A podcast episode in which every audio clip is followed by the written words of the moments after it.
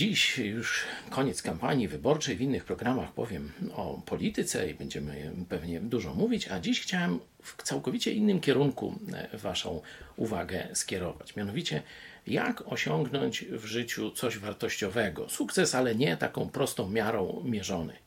E, szczególnie młode pokolenie myśli, że sukces to jest jakiś pomysł, kombinowanie, wskoczenie na falę i tak dalej. Oczywiście to są elementy sukcesu, ale przeszłe pokolenia, doświadczenie i przede wszystkim Słowo Boże pokazują bardzo ważny element odniesienia sukcesu i zrobienia czegoś wartościowego w życiu. Zobaczcie, szósty rozdział przypowieści Salomona, werset 23.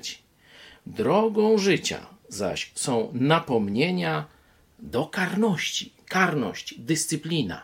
Czyli pewnych rzeczy nie mogę robić, a pewne rzeczy muszę robić, chociaż nie mam na nie ochotę. To jest droga życia, droga do sukcesu.